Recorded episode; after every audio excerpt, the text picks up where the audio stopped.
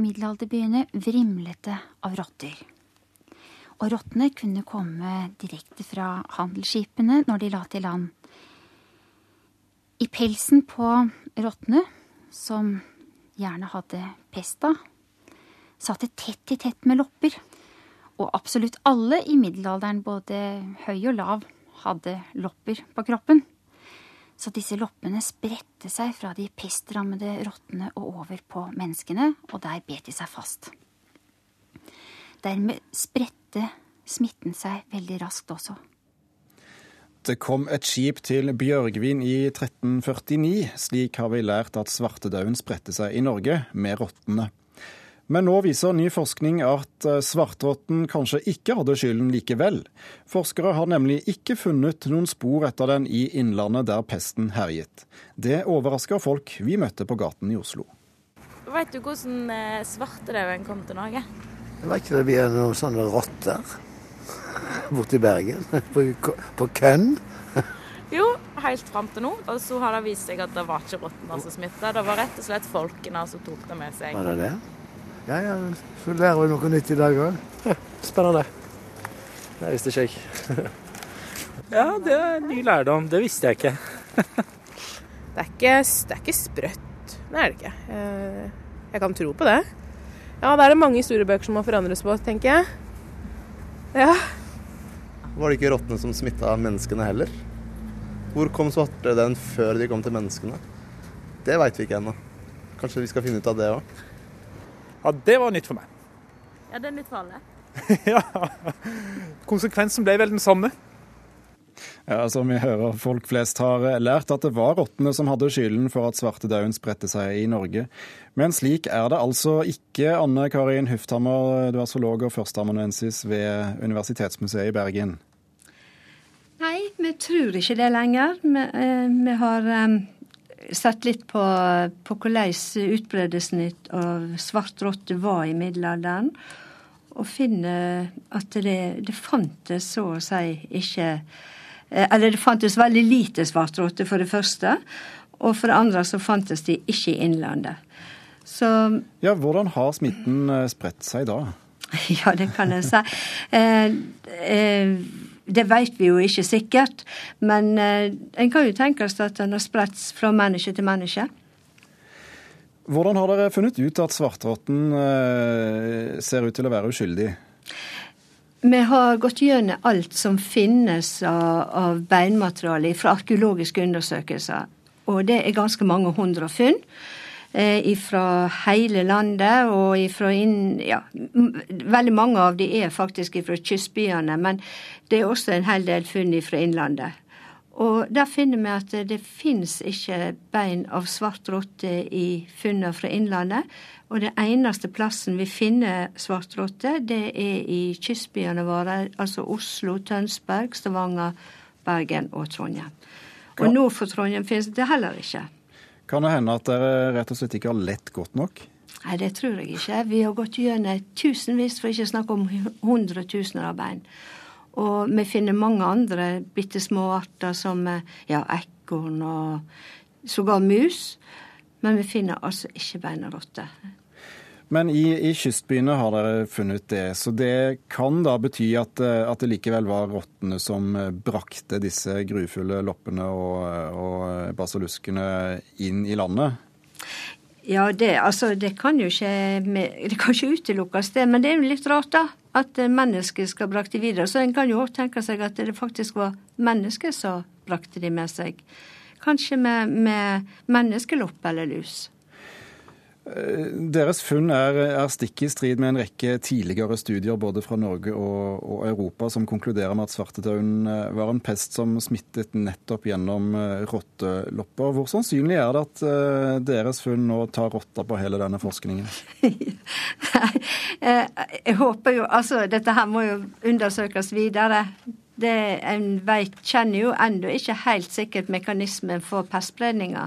Men det er, hvis vi ser f.eks. til Sverige og til de baltiske landene, så er det akkurat samme utbredelsesmønster som i, i, Norge, med at den svarte rotta den er en kystart. Det, den finnes ikke i innlandet. Bergen er jo kjent som eh, pest, porten, pestens port, for, for, å si det sånn kanskje. Hva vil dere gjøre ved Universitetsmuseet i Bergen eh, med dette dere nå har funnet ut? Jeg vet ikke om vi skal gjøre så veldig mye med det. Mer enn å registrere det. det. Det er interessante opplysninger som gjør at vi forstår kanskje litt mer om hvordan pesten utvikler seg. Men det er mange ubesvarte spørsmål ennå. Bråten har jo hatt hovedrollen i en rekke bøker og fortellinger om svartedauden. Må vi skrive om litteraturen nå? Litt. Jeg må skrive om akkurat Eller jeg tror iallfall at en bør skrive om akkurat eh, den, den eh, passusen som går på hvordan han kom til landet, og også hvordan han spredde seg i landet. Anne Karin Hufthammer ved Universitetsmuseet i Bergen, tusen takk for at du var med oss og fortalte om rotter og lus i Kulturnytt. En uvanlig seremoni foregikk i dag i Rikshospitalets kapell. Mexicos ambassadør til Danmark og Norge tok imot kisten med Julia Pastranas levninger for transport tilbake til Nord-Mexico. Julia Pastrana ble født i 1834 og var kjent både som apekvinnen og verdens styggeste kvinne. Men hvorfor sendes hun nå den lange veien tilbake til Mexico etter alle disse årene? Her remains arrived to Norway in a very, let's say, casual or coincidental or commercial way, but she didn't have really any link to Norway. So uh, there was no reason to think that she would have liked to stay in Norway. Ambassadør Marta Barsena Cocu mener at mest henger det nok sammen med at de involverte i begge land synes det på sett og vis er det riktigste. Julia kom til Norge ganske tilfeldig og på en strengt tatt temmelig kommersiell måte. Og hun ville selv neppe ha foretrukket Norge framfor sitt eget varme fedreland, sier hun til Kulturnytt etter seremonien i Rikshospitalets kapell tidligere i dag. Så nå settes endelig punktum for en gammel historie. Julia døde i Moskva i 1860. Ikke mer enn 26 år gammel ble hun. Og som en annen Lenin ble også hun balsamert. Julia Pastrana hun ble født i Mexico i 1834. Hun var indianer. Hun hadde en medfødt genetisk feil, en abnorm behåring over hele kroppen. Og så derfor ut, hun ligna iallfall på en ape. Og eh, hadde en veldig kraftig underkjeve. Og eh, i fullt utvoksen tilstand så var hun bare 1 meter og 35 centimeter høy. Forteller professor Frode Vartdal ved Universitetet i Oslos medisinske fakultet. Men selv om hun har minnet mye om en ape, er det slett ikke sikkert alle syns hun var frastøtende. Jan Bondesen heter en forfatter som har gitt ut boka Very Special People, der han skriver følgende om Julia Pastrana. Hun gjorde inntrykk på mange med sin sjarm og sitt vinnende vesen. Ved en militærgalla hun var invitert til, danset hun med flere av de modigste kavalerene, og denne kvinnen, som man i Boston hadde kalt indianermisfosteret Bjørnekvinnen, imponerte med sin sangstemme. Den er ekstremt sjelden. Forteller professor Vartdal om den sykelige mutasjonen som Julia var offer for. Hun var nok offer for menneskehandel også, for hun ble som meget ung solgt til en impresario. Eh, som seinere gifta seg med henne i 1857, eh, og fikk barn med henne i 1860. I Moskva. Få dager etter fødselen så døde Julia Pastrana og eh, sønnen hennes. Og han solgte henne til, en, til universitetet i Moskva, der hun ble balsamert.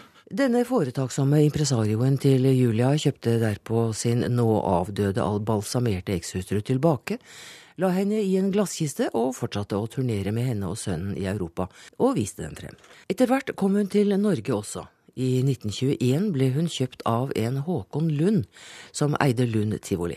Lund reiste med henne land og strand rundt til slutten av 50-tallet, men tidlig på 1970-tallet gjenopptok han turnévirksomheten og dro til USA, og reiste med henne også til Danmark og Sverige i 72 og 73, men da protesterte de brave skandinaver og mente at nok var nok. Så ble hun borte, og ble gjenfunnet i et lager i Groruddalen et sted på slutten av 70-tallet. Og om dette forteller Jan Bondesen at det var innbrudd i lageret der Julia og barnet lå i 1976. Mumiene ble vandaliserte, kjeven og en av armene til barnet ble revet av. Restene av barnemumien havnet i en grøft utenfor huset, og barnet ble spist opp av mus. Bare noen småbiter ble igjen. Det ble mye frem og tilbake om hva hun skulle gjøre med levningene og hvor de skulle være. Universitetets medisinske institutt ble det foreløpig siste hvilestedet, eller lageret, ettersom man ser det. Og omsider er det klart for eh, Julia Pastranas siste reise. Det var eh, reporter Sølvi Fosseide som fortalte oss om eh, apekvinnen.